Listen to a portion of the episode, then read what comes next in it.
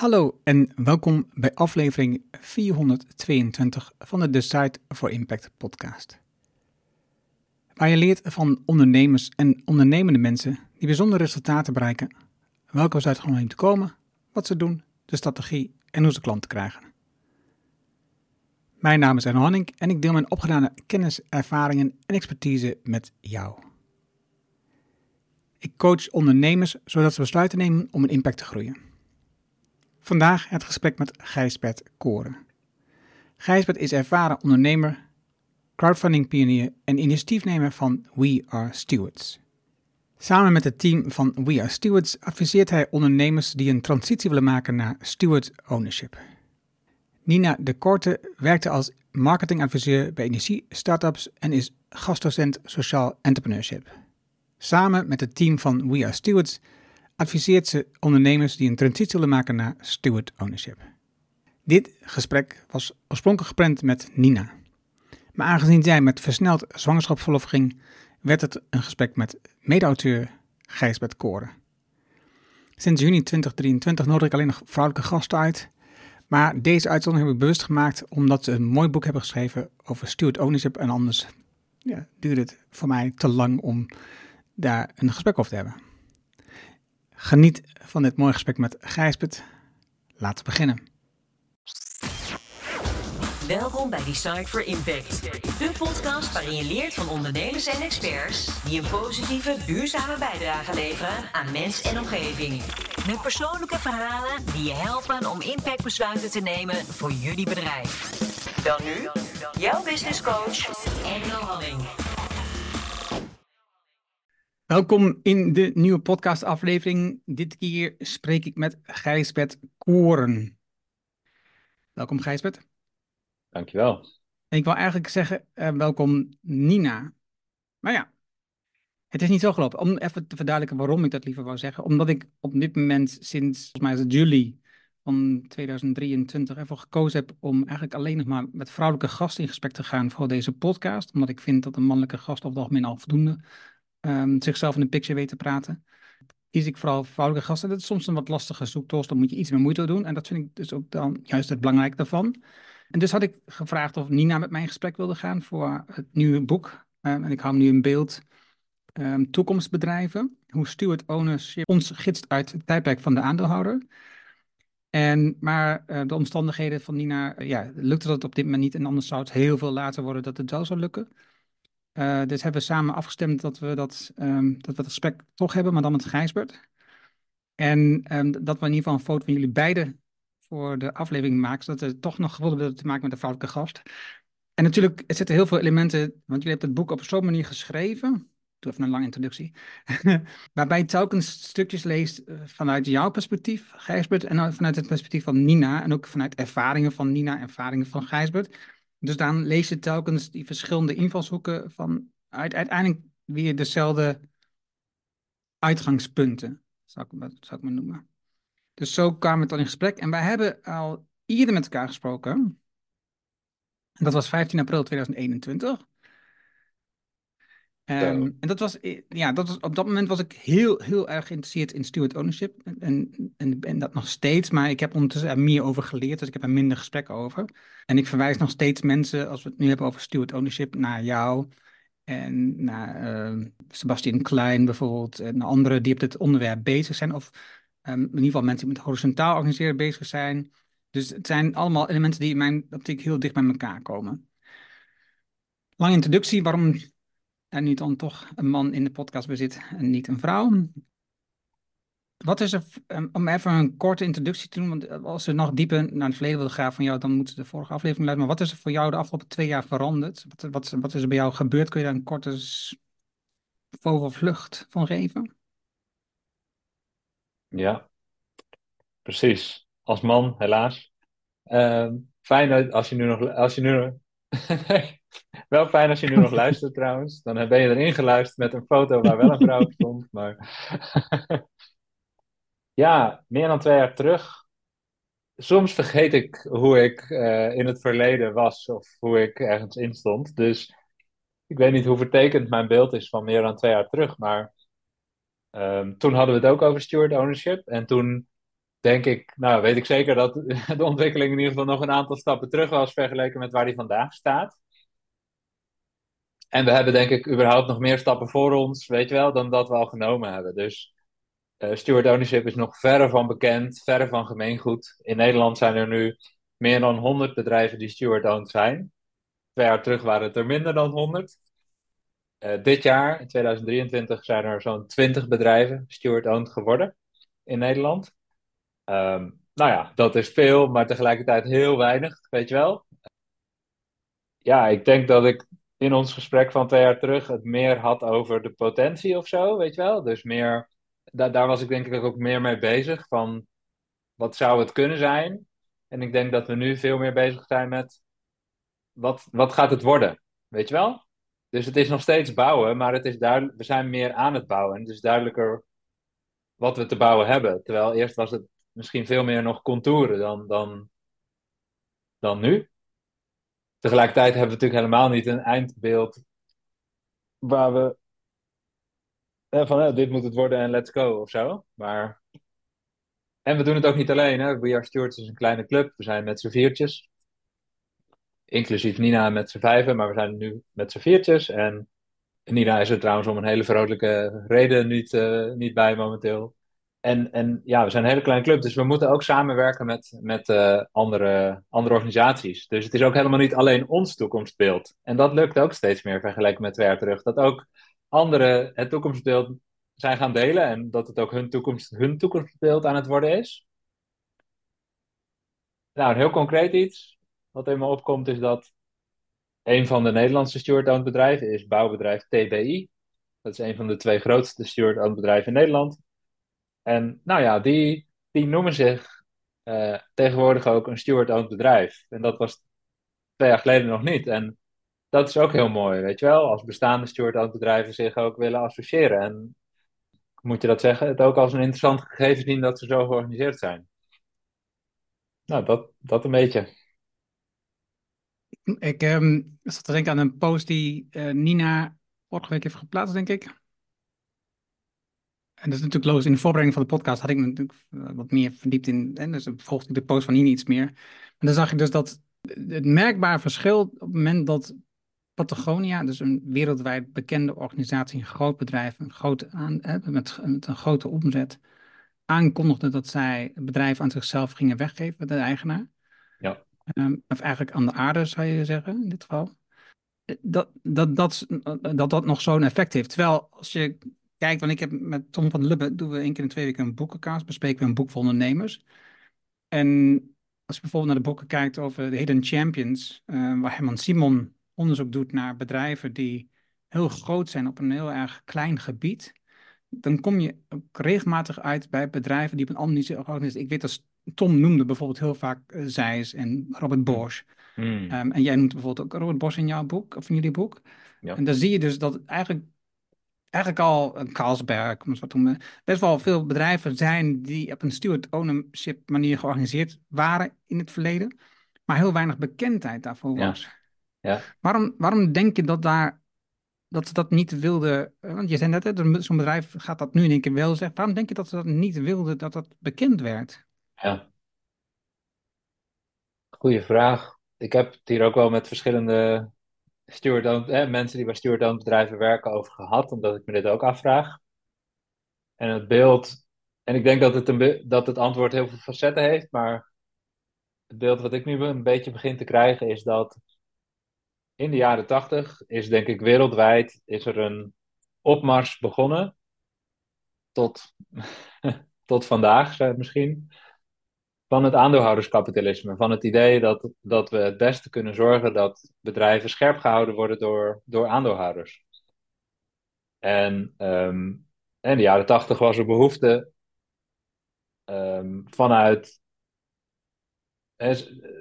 ontstond in Engeland de behoefte om, en, in, en wereldwijd om aan loonmatiging te gaan doen. Om te zorgen dat we uit een, uit een uh, recessieituatie zouden kunnen komen. En dat is natuurlijk niet de natuurkundige oplossing om uit een recess te komen. Het is een politieke keuze om dat middel in te zetten om eruit te komen. En dat is toen gelukt. Hè? We zijn daaruit gekomen. En je zou kunnen zeggen, arbeiders hebben, of werknemers hebben de prijs betaald om, om weer uh, uit een economische malaise te komen, zou maar zeggen. Om het beter te krijgen. Maar de afgelopen 40 jaar sindsdien is er eigenlijk weinig vraagteken geplaatst bij het idee dat aandeelhouders de belangrijkste stakeholders zijn. En dat zij in staat zijn om bedrijven scherp te houden en voor economische groei te zorgen. Met de trickle-down ideeën als gevolg. Hè? Dat als, als aandeelhouders het beter hebben, dan heeft iedereen het beter. Dat, dat zijpelt allemaal door. Ehm, en als iemand het durfde om een alternatief uh, op tafel te willen leggen, dan was het vaak niet moeilijk om dat te vergelijken met het communisme. En lukte het binnen no time om dat alternatief van tafel te krijgen. Dus het kapitalisme, en, of ik noem het inmiddels kapitalisme, maar de focus op de aandeelhouder was gewoon de grote redder in het Westen. En het, kap, het communisme had grandioos gefaald. Uh, ja, weet je wel, dus het was echt een opmars, denk ik, de afgelopen 40 jaar. En inmiddels is dat gaan piepen en kraken en vragen we ons af van, hé, hey, verdraaid. Het heeft veel gebracht, maar ook ten koste van heel veel. En dat ten koste begint misschien zwaarder te wegen dan wat het ons brengt. Niet dat we alles overboord moeten kieperen, maar we moeten doorzoeken. En dat doorzoeken betekent niet communisme, dus stoppen met doorzoeken. Maar dat doorzoeken betekent echt doorzoeken, echt alternatieven. En steward ownership is zo'n alternatief dat binnen het kapitalisme functioneert. En ja, I don't know. Ik ben niet degene om te zeggen dat het een slecht idee is om uh, meer, bedrijven naar dat alternatief te laten kijken. Um, maar ik denk dat de bedrijven die het, eh, Bosch en Zeiss en TBI, die dat al decennia toepassen, ja, ten eerste, ja, zij hebben het gewoon voor zichzelf goed opgelost. Dat was hun verantwoordelijkheid en dat hebben ze gedaan. En nu begint de roep om, om alternatieven voor focussen op de aandeelhouder, die begint heel luid te worden. Dus ik denk dat nu ook de tijd is voor dit soort bedrijven om te laten zien van, hé hey jongens, wij hebben het zo ingericht ja, daar kunnen jullie ook voor kiezen. En ze willen zich denk ik tegelijkertijd, ik herken bij al die bedrijven ook een bepaalde bescheidenheid. Dat ze niet gaan zeggen, hé, hey, wat jullie doen is stom, wat wij doen is hoe het moet, doe het ook maar. Ik denk dat dat een beetje het beeld is wat bij mij nu uh, is ontstaan. Ja. ja, ik denk ook dat als je kijkt naar bedrijven met aandeelhouderschap, dan zie je natuurlijk ook dat de, de, de reddende leider, zeg maar de, de, alleswetende leider, dat speelt ook een onderdeel daarin. Hè? Dat is een heel Anglo-Amerikaans gedachte natuurlijk, waar we van die mooie verhalen bedenken.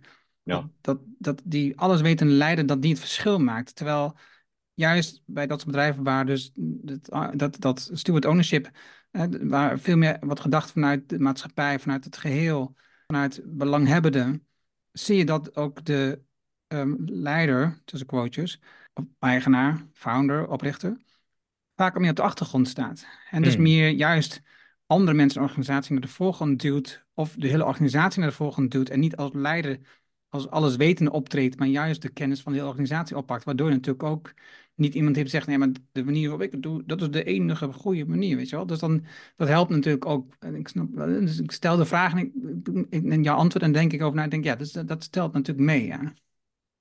Ik zat te denken aan het verhaal of in jullie boek over het bierenschot ook. Mm. Waarbij ook zij, op het moment dat dus de druk op de markt ontstond, uh, meeging in dat, partners, uh, dat partnermodel. En dan zie je dus, uh, vooral als je dan kijkt naar bedrijven als Bos en zo, dus die, die dat al langer georganiseerd hebben. En die dus makkelijker ook zo'n recessie kunnen doorstaan, omdat ze zorg dragen niet alleen voor nu, voor de huidige aandeelhouders, maar dus ook voor de toekomstige aandeelhouders, de toekomstige belanghebbenden. Dat je veel minder gevoelig bent voor recessies maar ook minder uitbundig bent op het moment dat het goed gaat met je.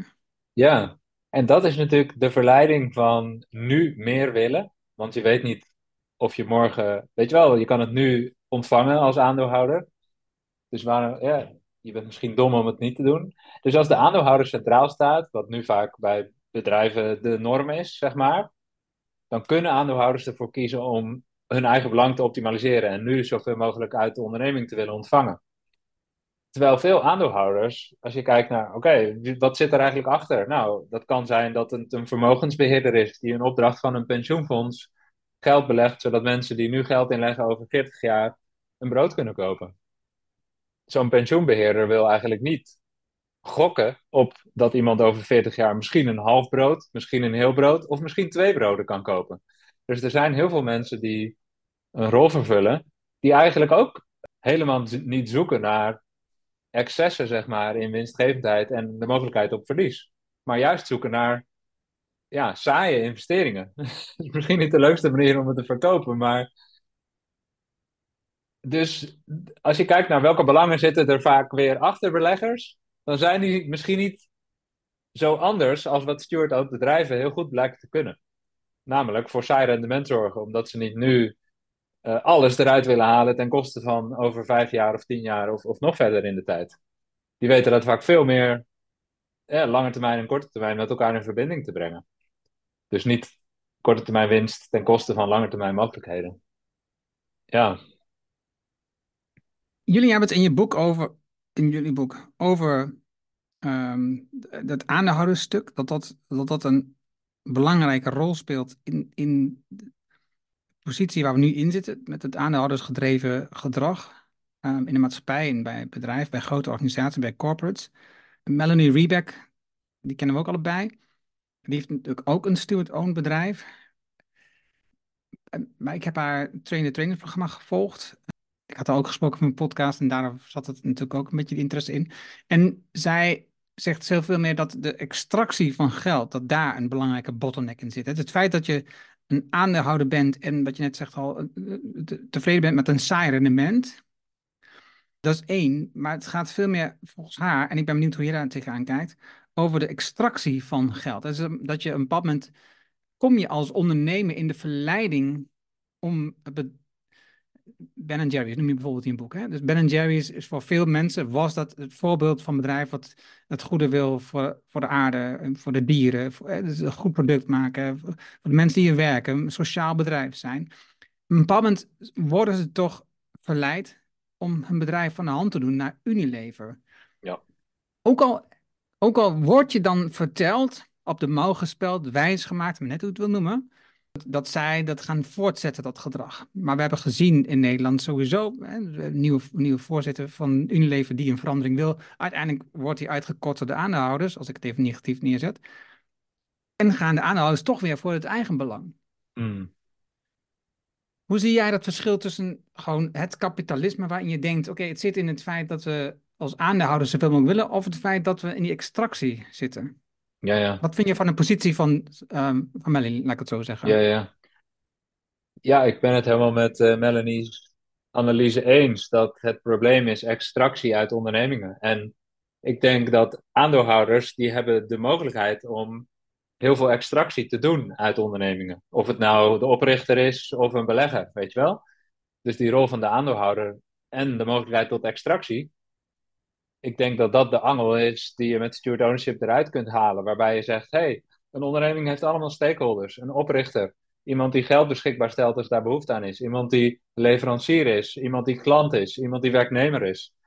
Al die stakeholders, daar wil je natuurlijk een eerlijke en goede relatie mee hebben vanuit de onderneming. En het is dus eigenlijk heel gek dat we nu in een situatie zitten waarin de norm is dat een aandeelhouder daar bovenuit steekt. En dat die belangen mogen prevaleren boven al die belangen van al die anderen. Dus de rest wordt zo goedkoop mogelijk gedaan. Zo goedkoop mogelijk inkopen. Zo goedkoop, weinig mogelijk salaris betalen. Om zoveel mogelijk extractie te kunnen doen bij de aandeelhouder. Of door de aandeelhouder. En dat is een systeem. Hè? Dat is niet dat, dat aandeelhouders dan de slechte mensen zijn die dat de hele tijd proberen. Maar we hebben een systeem gecreëerd waarin dat is de norm is. Hè? Dus iemand die aandeelhouder wordt, kan dat doen. Dus die kan dat in het belang van pensioengerechtigden doen. Terwijl wat als iemand een bedrijf start, dan wil.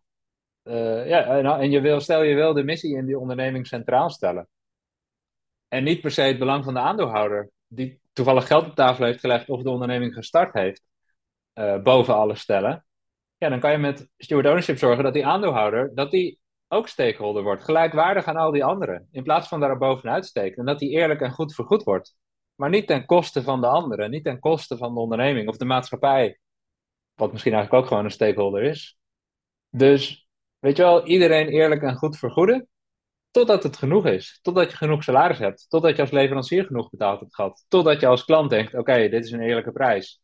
Hetzelfde geldt voor iemand die geld op tafel heeft gelegd. Hoe, hoe duur is dat geld? Is dat oneindig duur? Of zit daar een einde aan? Weet je wel? En nu is de norm: geld dat je op tafel legt, waarmee je eigendom koopt, mag oneindig duur zijn. Je mag oneindig geld extraheren uit een onderneming. En dan is een spannende vraag: wanneer heb je dan genoeg ontvangen voor jouw bijdrage in tijd of in geld? Is dat altijd hetzelfde? Of is dat elke keer anders? En mag jouw eigen behoefte daarin meeklinken? Of gaat het puur om het risico dat je neemt? Hè?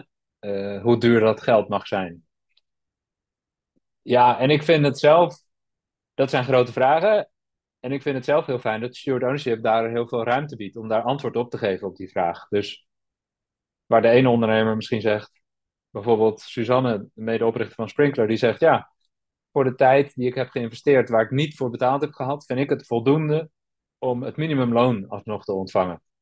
Terwijl een andere ondernemer denkt misschien ja, ik wil mijn pensioen in ruil voor het opgeven van mijn eigendom. En een ander zegt misschien, nou, ik kijk ernaar als elke investeerder.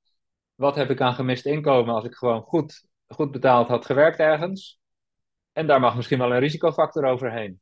Hè? Dus mijn eh, investering in tijd, nou, misschien wel keer drie, is wat ik er financieel nog uit wil halen. Ja, dus er zit heel veel diversiteit in hoe je die vraag kan beantwoorden, wat dan een goede vergoeding is voor aandeelhouders, zowel ondernemers als investeerders.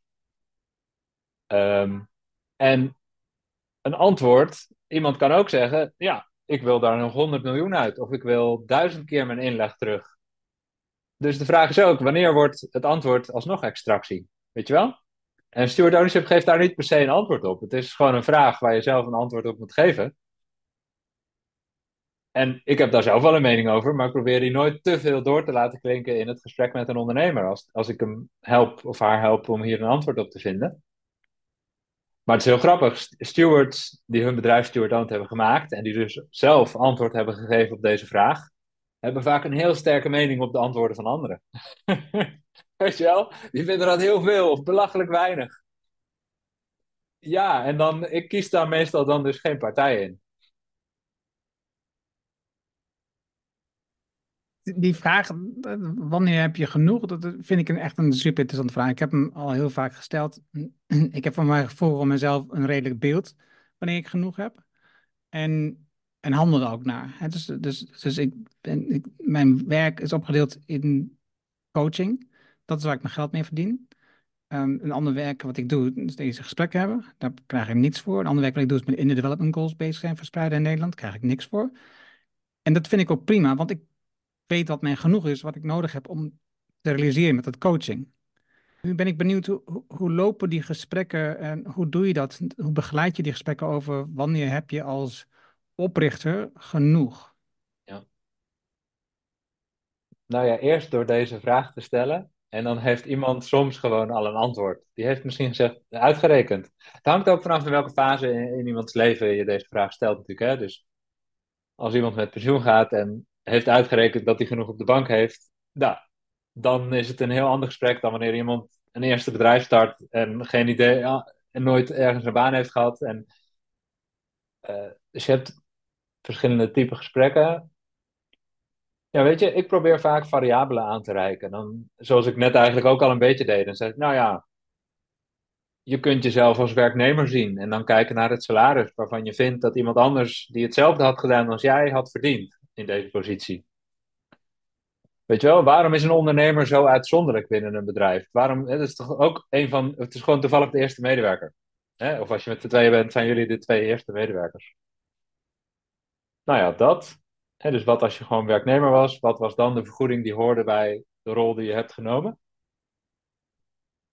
En, en soms stel ik ook die vraag van pensioen. Hè? Zeker als iemand meer richting pensioenleeftijd is, is dat misschien soms ook wat helpt om een antwoord te vinden van wat heb je nodig voor je pensioen. En dat is misschien maar de helft van wat de onderneming waard is. Nou, dan zit daar dus al heel veel ruimte, weet je wel? Ja, en, en, en ik leg vaak ook op tafel van oké, en, en, en hoe verhoud je je dan tot investeerders? Want een investeerder ziet een risicocompensatie, hoe ervaar je dat zelf? En als iemand dan daar heel op aangaat van ja, ja, ik vind dat ook. Ik vind het eerlijk als een ondernemer vergoed wordt voor het risico. En daar, hoort iets, dat is je ondernemerschapsvergoeding. Oké, als dat jouw vuur geeft, als je dat nodig hebt, dan moeten we daar ook gaan zoeken. Terwijl als iemand eigenlijk genoeg heeft aan salaris, ja, dan, dan weet je wel. Dus dat zijn vaak de drie variabelen waar ik het in zoek. Salaris, risicovergoeding en pensioenbehoeften. Um, en, en je hebt ook ondernemers die op alle drie nee zeggen. Van, nou, ik schenk het. En ik heb nog niet genoeg, maar ik ga niet met terugwerkende kracht nog iets eisen uit deze onderneming. Ik sta waar ik sta en ik ga het vanaf nu dan anders doen. Ik ga vanaf nu iets meer aan mezelf uitkeren om wel een pensioenpot op te bouwen. Ja. Oh, dat is ook interessant. Ja. Nu zijn jullie, ik dacht dat van jullie kwam toch een petitie opgestart om de steward ownership um, als een juridische entiteit te krijgen. Ja. Ik kan vragen waarom bij dat gestart, maar dat is niet zo belangrijk, denk ik. Wat me veel interessanter lijkt, want een andere juridische entiteit waar al lang gesteggel over is, is de um, ehm, MBV. De maatschappelijke BV. En ook die is er nog steeds niet. Mm Waarom wil je. Want je hebt nu eigenlijk met de huidige juridische constructies die er zijn, best wel veel mogelijkheden om, om een steward-owned bedrijf op te zetten. Ja. En misschien moet je wel iets manoeuvreren, maar in principe heb je, dat geef je ook in boek, verschillende constructies al laten zien. We hebben wel een paar mensen genoemd met verschillende organisaties die het allemaal op een andere manier hebben georganiseerd. Waarom hebben we nog per se de steward-owned entiteit nodig? Ja. Goeie vraag je kunt dus inderdaad vandaag de dag al je bedrijf steward-owned maken en dat kan heel simpel. Recent heb, hebben we een ondernemer geholpen die een bedrijf startte en als je kijkt naar de juridische kosten was het denk ik 1000 euro geweest als het niet steward-owned was en het werd 2000 euro om het steward-owned te maken. Dus ja, je, je hebt altijd gewoon iets meer juridisch uitzoekwerk. Het kost iets meer uh, aandacht en daarmee dus iets meer geld. Um, dus het is een bewuste keuze die je maakt. En het kan wel gewoon veel laagdrempeliger, weet je wel? Dus ondernemers hebben al zoveel te doen. En als je onbewust voor een BV kiest, wat misschien soms een beetje de, de standaardkeuze is voor een ondernemer, of misschien eerst met een eenmanszaak of eerst samen met een VOF, maar dan is de norm dat de aandeelhouder centraal staat. En als je dan dus wel moeite doet, dan kan je zorgen dat het anders is en misschien beter bij je intenties past. Maar is het niet raar, weet je wel? Is het niet, moet je niet, zoals je in een supermarkt even makkelijk vlees kunt pakken vandaag de dag als een vegetarisch alternatief, moet je niet bij de notaris even makkelijk voor een steward alternatief kunnen kiezen? Dus, weet je wel, onze ambitie is dat steward ownership echt een norm wordt, dat het gemeengoed is. En als dat betekent dat je de bestaande juridische entiteiten moet hacken, dan is het niet gemeengoed. Dus waar ondernemers vandaag de dag heel bewust voor steward ownership kiezen en moeite doen om hun bedrijf steward owned te maken. Ja, denk ik dat het geweldig zou zijn als over vijf jaar of misschien iets langer het net zo makkelijk is om een wel als een niet steward owned bedrijf op te richten. Zodat ook mensen onbewust ervoor kunnen kiezen. Weet je wel, dat, dat, dat het niet een moeilijke gedachtenkronkel alleen maar is van hoe dan. En, maar dat het gewoon hartstikke normaal is. En dat is wel echt iets ja, dat moet gewoon. Als we willen dat, dat de rol van de aandeelhouder anders wordt, dan moet het net zo makkelijk worden om een steward bedrijf op te richten. Ja, dus daarom zijn we die petitie gestart. En jij zegt terecht, de maatschappelijke BV, daar wordt al zo lang aan gewerkt. Dit is trouwens al de tweede poging om hem, eh, om hem eh, van de grond te krijgen. En alweer, wordt nu alweer bijna tien jaar sinds de start van de lobby daarvoor aan gewerkt. Ik denk dat, dat, weet je wel, we hebben nu Social Enterprise NL en B Corp en, en Economy for the Common Good. We hebben allemaal tools die we acht jaar geleden, toen, toen het idee voor de BVM weer opnieuw uh, energie uh, kreeg, zeg maar, die zijn nu inmiddels best wel uh, goed. Weet je wel, die tools. En de BVM is eigenlijk, ja, wat is nog de toegevoegde waarde van de BVM?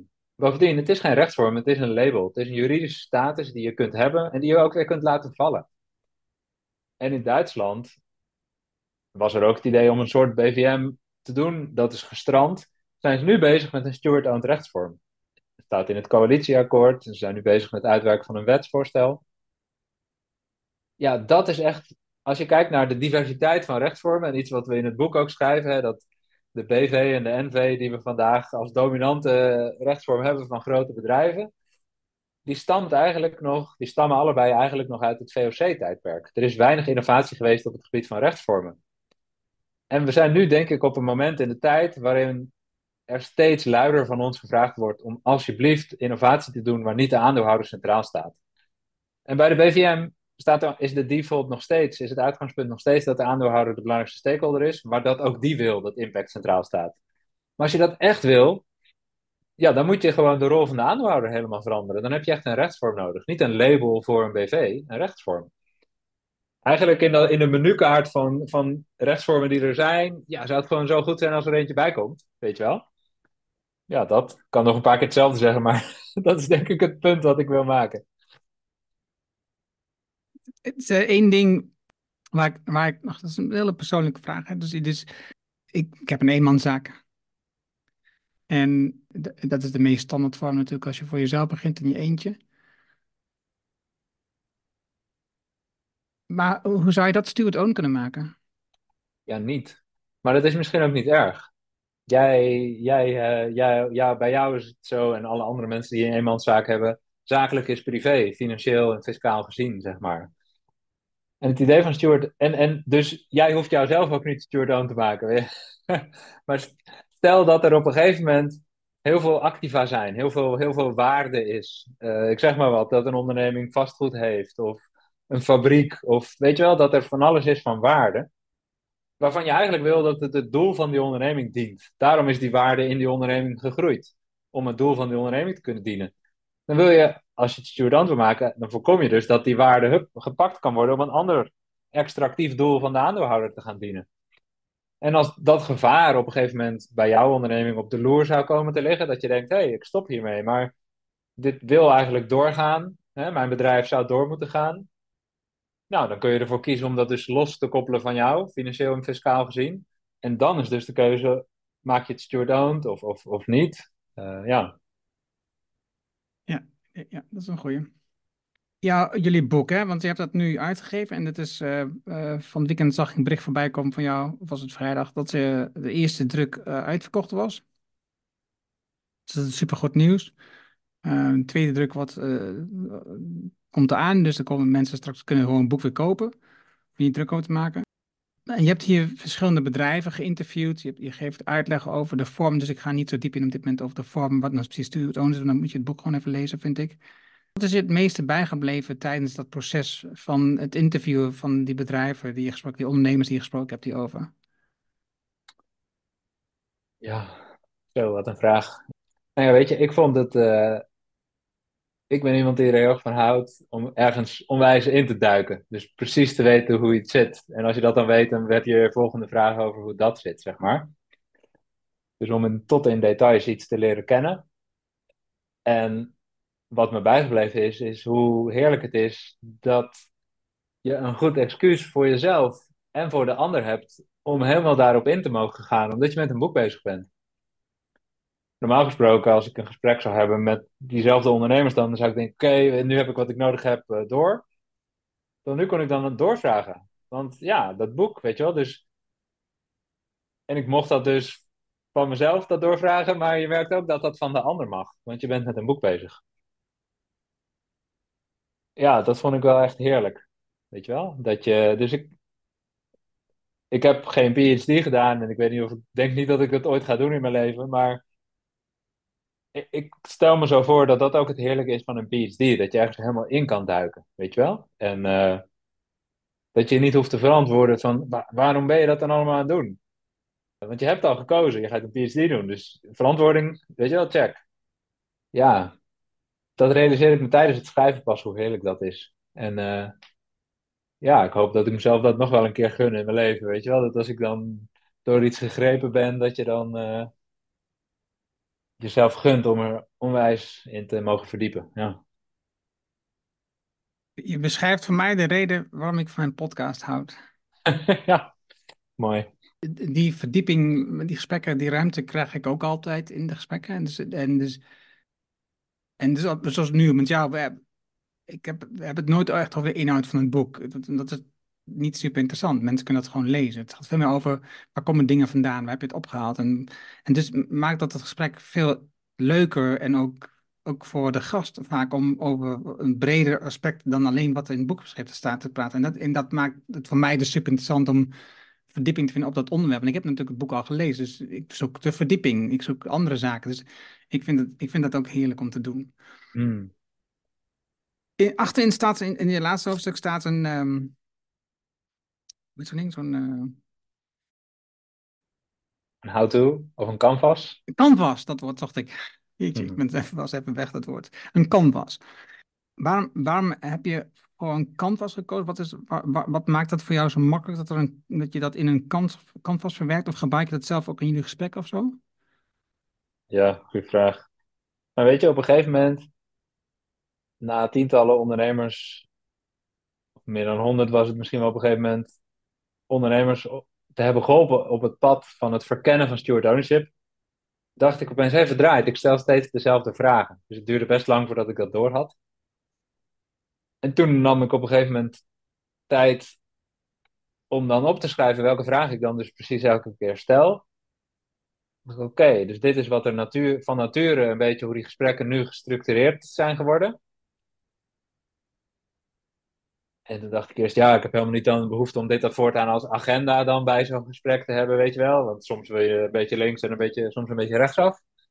Op een gegeven moment dacht ik, ja, als wij steward ownership echt zo toegankelijk mogelijk willen maken, moeten we ook tools gaan bieden om mensen zelf die gesprekken te laten voeren met elkaar of met hun eigen adviseur of wat dan ook. oké, laten we dan die agenda van, voor anderen beschikbaar gaan stellen. En toen noemden we dat eerst het steward ownership raamwerk. Ja, klinkt toch ook niet zo heel hip.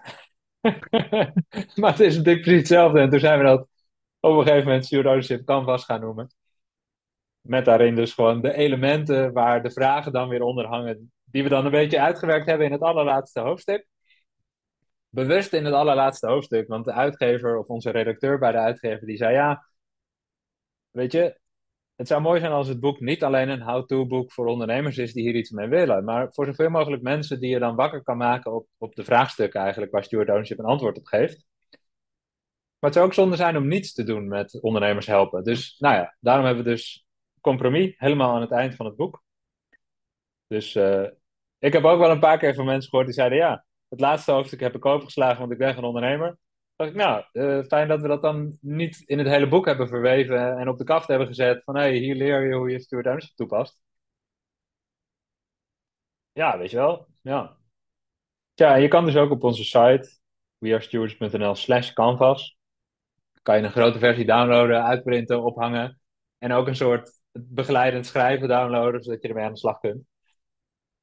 En als we daar dan een aantal keer feedback op krijgen met hey, ik snapte hier geen hout van en hey, waarom mis dat?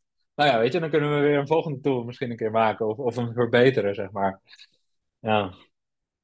Ja, ik denk dat, ik denk dat het meest interessante is natuurlijk gewoon, uh, van mij het meest interessante als betere bewoording, is uh, um, het feit dat je, omdat de missie is bij de steward ownership um, leidend, dat je die missie heel scherp krijgt en duidelijk krijgt. Dat, dat, ja. dat je ook werkelijk je onderneming um, kunt inrichten zodat die missie leidend wordt in alles wat je doet. En dat is ook tegelijkertijd een ingewikkeld eh, vraagstuk natuurlijk. Hè? Want ja, als je een missie hebt in eerste instantie, heb je, heb je wel een missie, maar dan ja, is die nog niet helemaal duidelijk en zo. En dan wordt die veranderd dan in de loop van de tijd. En dus dan moet je hem echt weer helemaal nieuw samen krijgen met je team, met je mensen, met de, met de, de stewards. Om helder te krijgen, wat is nou eigenlijk de missie waar we nu voor gaan, waar dit bedrijf ervoor is. Eigenlijk, ja. dat is waar het op neerkomt. Ja, precies. Ja, en het verschilt dan ook wel weer per steward aan het bedrijf, hoe flexibel de mensen die het stewardhound hebben gemaakt, hebben nagedacht over, mag die missie doorontwikkelen? Of mogen sommige dingen eigenlijk niet wijzigen?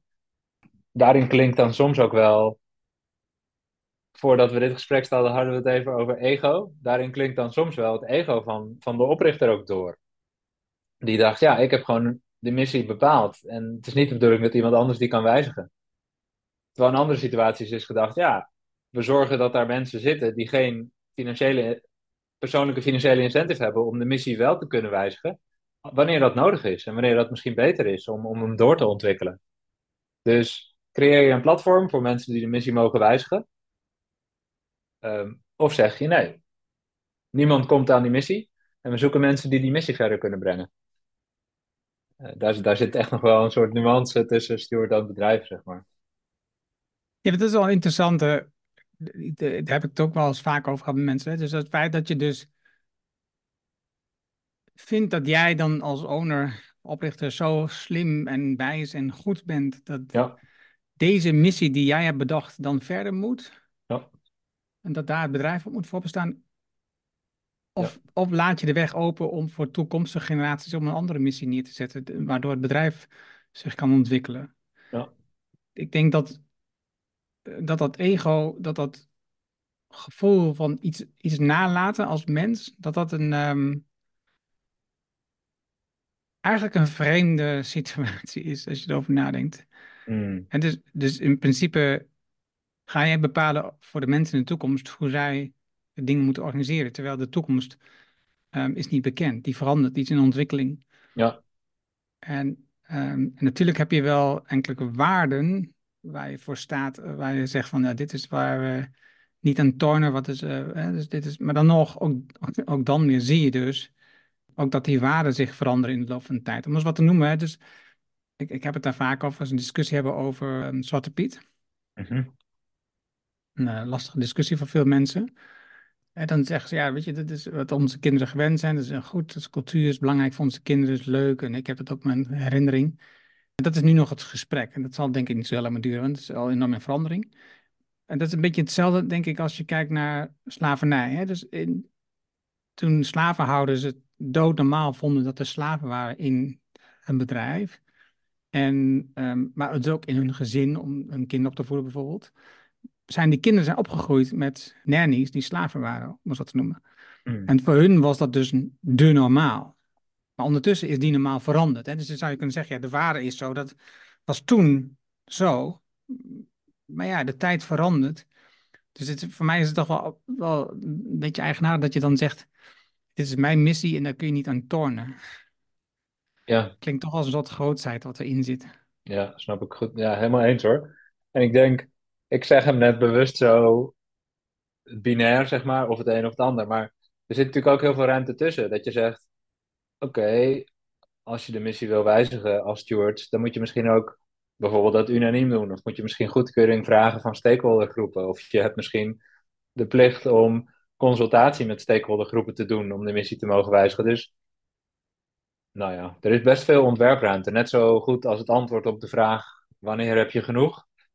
Is er denk ik ook heel veel ontwerpruimte als antwoord op de vraag: hoe zorg, zet je de missie hier centraal en zorg je dat dat blijft? Ja, dan is de tweede vraag: moet dat echt altijd blijven? Zo nee, wie mogen het dan wijzigen? ja. Um, ja, en, en, en, maar weet je, ik heb ook nog behoefte om één ding te zeggen. Dat is, ik weet niet of jij dat ook bedoelde met jouw reactie net, maar soms krijg ik wel eens terug van ja, als ik het steward-owned maak, dan zet ik heel veel dingen dicht voor de toekomst. Dan ben ik heel bepalend naar de toekomst. Terwijl als ik het niet steward-owned maak, dan laat ik nog heel veel ruimte voor wat dit bedrijf in de toekomst qua vorm kan krijgen. Maar ik denk dat beide even goed een keuze is. Weet je wel? En met steward ownership ga je wel een ander pad bewandelen. Waar minder, op dit moment minder mensen lopen. Waardoor het meer een keuze lijkt dan op het bestaande pad blijven. Maar op het bestaande pad blijven, waarin de aandeelhouder centraal staat, is net zo goed een keuze. Het is een keuze om dat zo te houden. Nou ja, dat. Ja, ik zie het niet, ik zie het niet als zijnde dat de steward ownership het vastzetten van de toekomst algemeen. Dat zie ik niet zelf niet, wat ik tot niet onderzocht heb, en dat zie ik ook niet in je boek, in je boek terug, een voorbeeld die je geeft. Hmm. Ik zat nog na te denken over het gesprek wat ik met Sebastian Klein heb gehad hierover toen hij heeft verschillende bedrijven gehad en telkens als hij een bedrijf uh, had en weer uh, mee stopte of van de hand deed, um, nam hij dus lessen mee om zijn nieuw bedrijf te starten. En het laatste bedrijf dat hij verkocht, dat is dan Blinkist. En daarvoor was hij al gestart, want hij was eigenlijk, had zich daar al teruggetrokken, was hij nog maar aandeelhouder, met uh, nieuwe narratieven en, en publishing. Uh, waar hij dus de horizontale manier van organisatiestructuur heeft opgezet. Hè, dus omdat het, hij, hij vond dat dat daar enorm miste. En hij miste wat in dat aanhouderschap uh, stuk. Dus daar heeft hij ook wat veranderd. Maar omdat hij dus nu in één keer middelen kreeg, extractie zou je kunnen zeggen, ja. um, vanuit het, de verken van Blinkist, kwam hij wel over het nadenken over die vraag: wanneer heb je genoeg? En dat, hij, hij quote ook ons gesprek um, daarin, want dat was de vraag die in ons gesprek te sprake kwam: van uh, wanneer hebben we eigenlijk genoeg? Hmm. En, hmm. en hij heeft daar een hele mooie, mijn mening voor duidelijkheid, een hele mooie keuze gemaakt om een heel groot deel van dat uh, bezit, dat vermogen wat hij gekregen heeft, om dat weg te zetten in een stichting. En een klein deel, um, wat je er straks al schetste, dat je kijkt, oké, wat is nou precies de waarde voor alles wat ik in die tijd niet heb verdiend? Hij verdient ook heel erg weinig in, in, die tijd. En al die dingen wat je dan voor jezelf rekent, oké, dit is een acceptabel bedrag wat ik dan voor dat bedrijf zou mogen ontvangen. Daar heeft hij dus meerdere keren over geschreven. Heeft een uitgebreide post op LinkedIn geplaatst dat hij dat had gedaan. Daarna werd hem in de krant de ruimte gegeven om veel uitgebreid te schrijven. En hij krijgt heel veel reacties op. De reacties zijn verschillend, maar mhm. je kunt ze in twee groepen uh, eigenlijk splitsen grofweg. De ene is, oh, wat een fantastisch gebaar, wat doe je het mooi en uh, ik wil nadenken hoe ik dat ook zou kunnen organiseren bijvoorbeeld. En de andere reactie is, wat een communist, we slaat nergens op, wat ben je aan het doen? Um, dit komt helemaal de maatschappij niet ten goede. Uh, je moet het weer herinvesteren. En nu ben jij de baas over waar dus het geld heen gaat. Ja. Wat zijn de gesprekken die zo'n ondernemer heeft dan met zijn omgeving of haar omgeving? Hmm. op dat onderwerp. Dat, dat mensen, wat je net al schetste, dat je weggaat van dat aandeelhouderschap naar een communistisch beeld. Ik doe ja. quotes voor degene die niet de camera zien. Welk gesprek hebben ze met de omgeving om? Want ik denk dat de, 99% van de maatschappij zit nog in, dat, in, dat andere, in die andere manier. Ja, ja. Ja, of in ieder geval, dat is voor hen normaal, die andere manier, weet je wel. Ja, en het is grappig weet je wel, inderdaad, dat blijkbare reactie op, op wat hij dan uh, vertelt ook is of geweldig of communisme. Het is dus heel binair, weet je wel, terwijl de destructieve gevolgen van onze focus op aandeelhouderswaarde binnen het kapitalisme, ja, roept ons volgens mij eigenlijk op om te zoeken naar alternatieven en niet om zwart-wit te denken. Want ja, het communisme heeft laten zien dat het geen uh, utopie was, hè, of geen ideaal oplossing was. Maar hetzelfde kunnen we inmiddels concluderen over uh, het aandeelhouderskapitalisme. Dus om dan een alternatief experiment dat iets probeert te doen met de excessen van het aandeelhouderskapitalisme, om dat dan te labelen als communisme en daarmee dus ook weg te zetten, ja, dat brengt ons niet bij waar we dus eigenlijk moeten gaan zoeken. En ik denk dat er ook best veel mensen zijn die dat gewoon te moeilijk vinden, weet je wel? Want ja, we zitten vast en je hebt behoefte aan zekerheid. En het is moeilijk om in die vrije, onzekere ruimte te gaan zoeken naar wat er kan zijn. Een ander mooi voorbeeld is dat OpenAI heeft ook een structuur die je Stuart Own zou kunnen noemen. En de oprichter van OpenAI is net door de stewards ontslagen. Hij is medeoprichter en hij, was, hij was CEO en dat is hij niet meer. En ik las uh, voor ons gesprek een artikel op Wired waarin verschillende investeerders hebben gereageerd op het feit ja, dat hij nu ontslagen is en wat ze daarvan vinden. En er zijn twee reacties die heel interessant, die heel interessant zijn. Die als norm neergezet worden in plaats van het perspectief van de investeerder. En de eerste reactie is, ik pak hem uh, even erbij, dat verschillende investeerders al eerder hadden aangegeven dat de steward-owned structuur, hij wordt niet zo genoemd, maar dat de structuur van OpenAI het bedrijf zwakker zou kunnen maken dus dat is het, de quote van, van investeerders. Investeerders hebben al aangegeven, deze structuur kan het bedrijf zwakker maken. Maar er staat eigenlijk, sommige investeerders vinden dat hun belang minder goed vertegenwoordigd is. Weet je wel? Dat, dat is natuurlijk wat het is. Want oké, als, als het het bedrijf zwakker maakt, als de macht niet bij hen ligt, oké, dan ligt de macht dus wel bij hen. Dat is dus de norm. En dat maakt het bedrijf dan dus blijkbaar sterk. Alleen we zien om ons heen hoe bedrijven juist strak worden doordat er te veel extractie is bij bedrijven. Dus het is heel makkelijk om te zeggen dat ene experiment van OpenAI, waar nu dus Hommelus is, en misschien is die Hommelus heel terecht, misschien is het wel, moest hij gewoon ontslagen worden en heeft het systeem dus heel goed gefunctioneerd binnen dat bedrijf. Maar de, een, een reflectie van de investeerder is dus, ja, de, de governance is minder goed op orde dan wanneer wij uh, de touwtjes in handen hadden. Nou ja, dan gaan we dus terug naar het aandeelhouderskapitalisme. Dat is beter. Alsof, alsof elk alternatief dat iets probeert, meteen hup, neergesabeld. Ehm, en een tweede ding wat gezegd wordt, van door een andere investeerder is, ik zeg het even in het Engels. It was an experiment to defy the laws of corporate physics. And it appears that physics won out. dus de andere, niet uh, standaard structuur van OpenAI was een, ja, weet je wel, probeerde de, de wetten van het aandeelhouderskapitalisme uh, aan te vallen, als het ware. Ja, en ze zijn er niet in geslaagd. Als we één ding zeker weten, is dat die wetten geen goed idee meer zijn. We moeten het anders gaan doen. En OpenAI doet het anders. We kunnen nog lang niet concluderen dat, dat ze niet gewonnen hebben, want misschien is het juist wel super geweldig geweest dat ze deze CEO konden ontslaan. Los daarvan, stel dat het wel een fout is, dan moeten we niet terug naar het aandeelhouderskapitalisme, dan moeten we door experimenteren. En dat is, dat is denk ik, en dat is dus ook denk ik wat, uh, uh, wat die Duitse ondernemer die jij uh, noemt, Sebastian Klein, ja, je gaat experimenteren. En dat is voor heel veel mensen heel gevaarlijk. En er zijn ook heel veel mensen die gevestigde belangen hebben bij niet gaan experimenteren. Want die kunnen zich nog niet voorstellen hoe zij een rol kunnen hebben als dat experiment een, een norm gaat worden. En natuurlijk kan iedereen ook dan een rol hebben, weet je wel. En natuurlijk is dat spannend, van hoe ziet je rol er dan uit? Ja, dus ik vind het geweldig dat hij, weet je wel, ik hoop dat hij niet afschrikt doordat er ook mensen hem communist noemen, weet je wel? Nee, volgens mij niet. Ja. En, maar dat is wel de, de tijd waar we denk ik in zitten. Dit gaan we de komende jaren meemaken. Experimenten met alternatieven gaan weggezet worden als communistisch en moeten terug naar de huidige norm. Als we één ding weten is dat we niet terug moeten naar de huidige norm, weet je wel?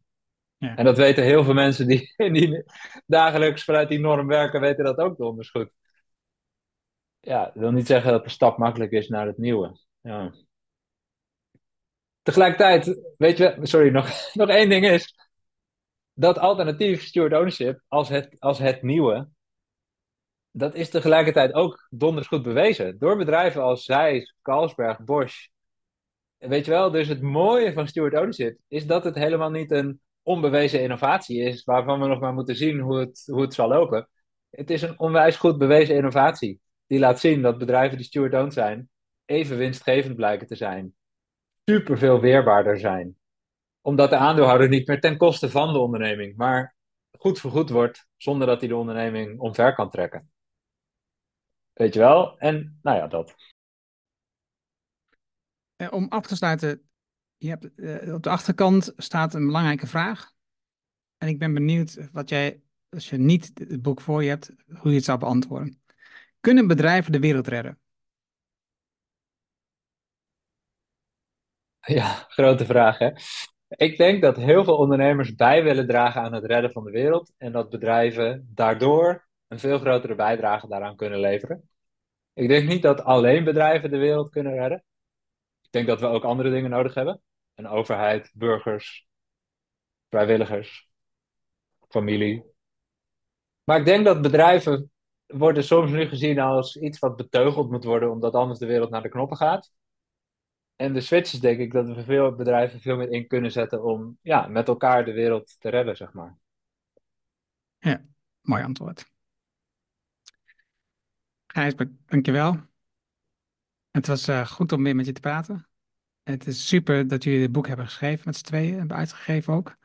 Uh, dus Nina, uh, je luistert vast nu. Dankjewel ook voor jouw inzet, want het was eigenlijk wat jij hebt gezegd toen je ooit met z'n tweeën samenkwamen. We moeten een boek schrijven over steward ownership. Dus dankjewel Nina voor jouw volhardendheid en het boek is er gekomen.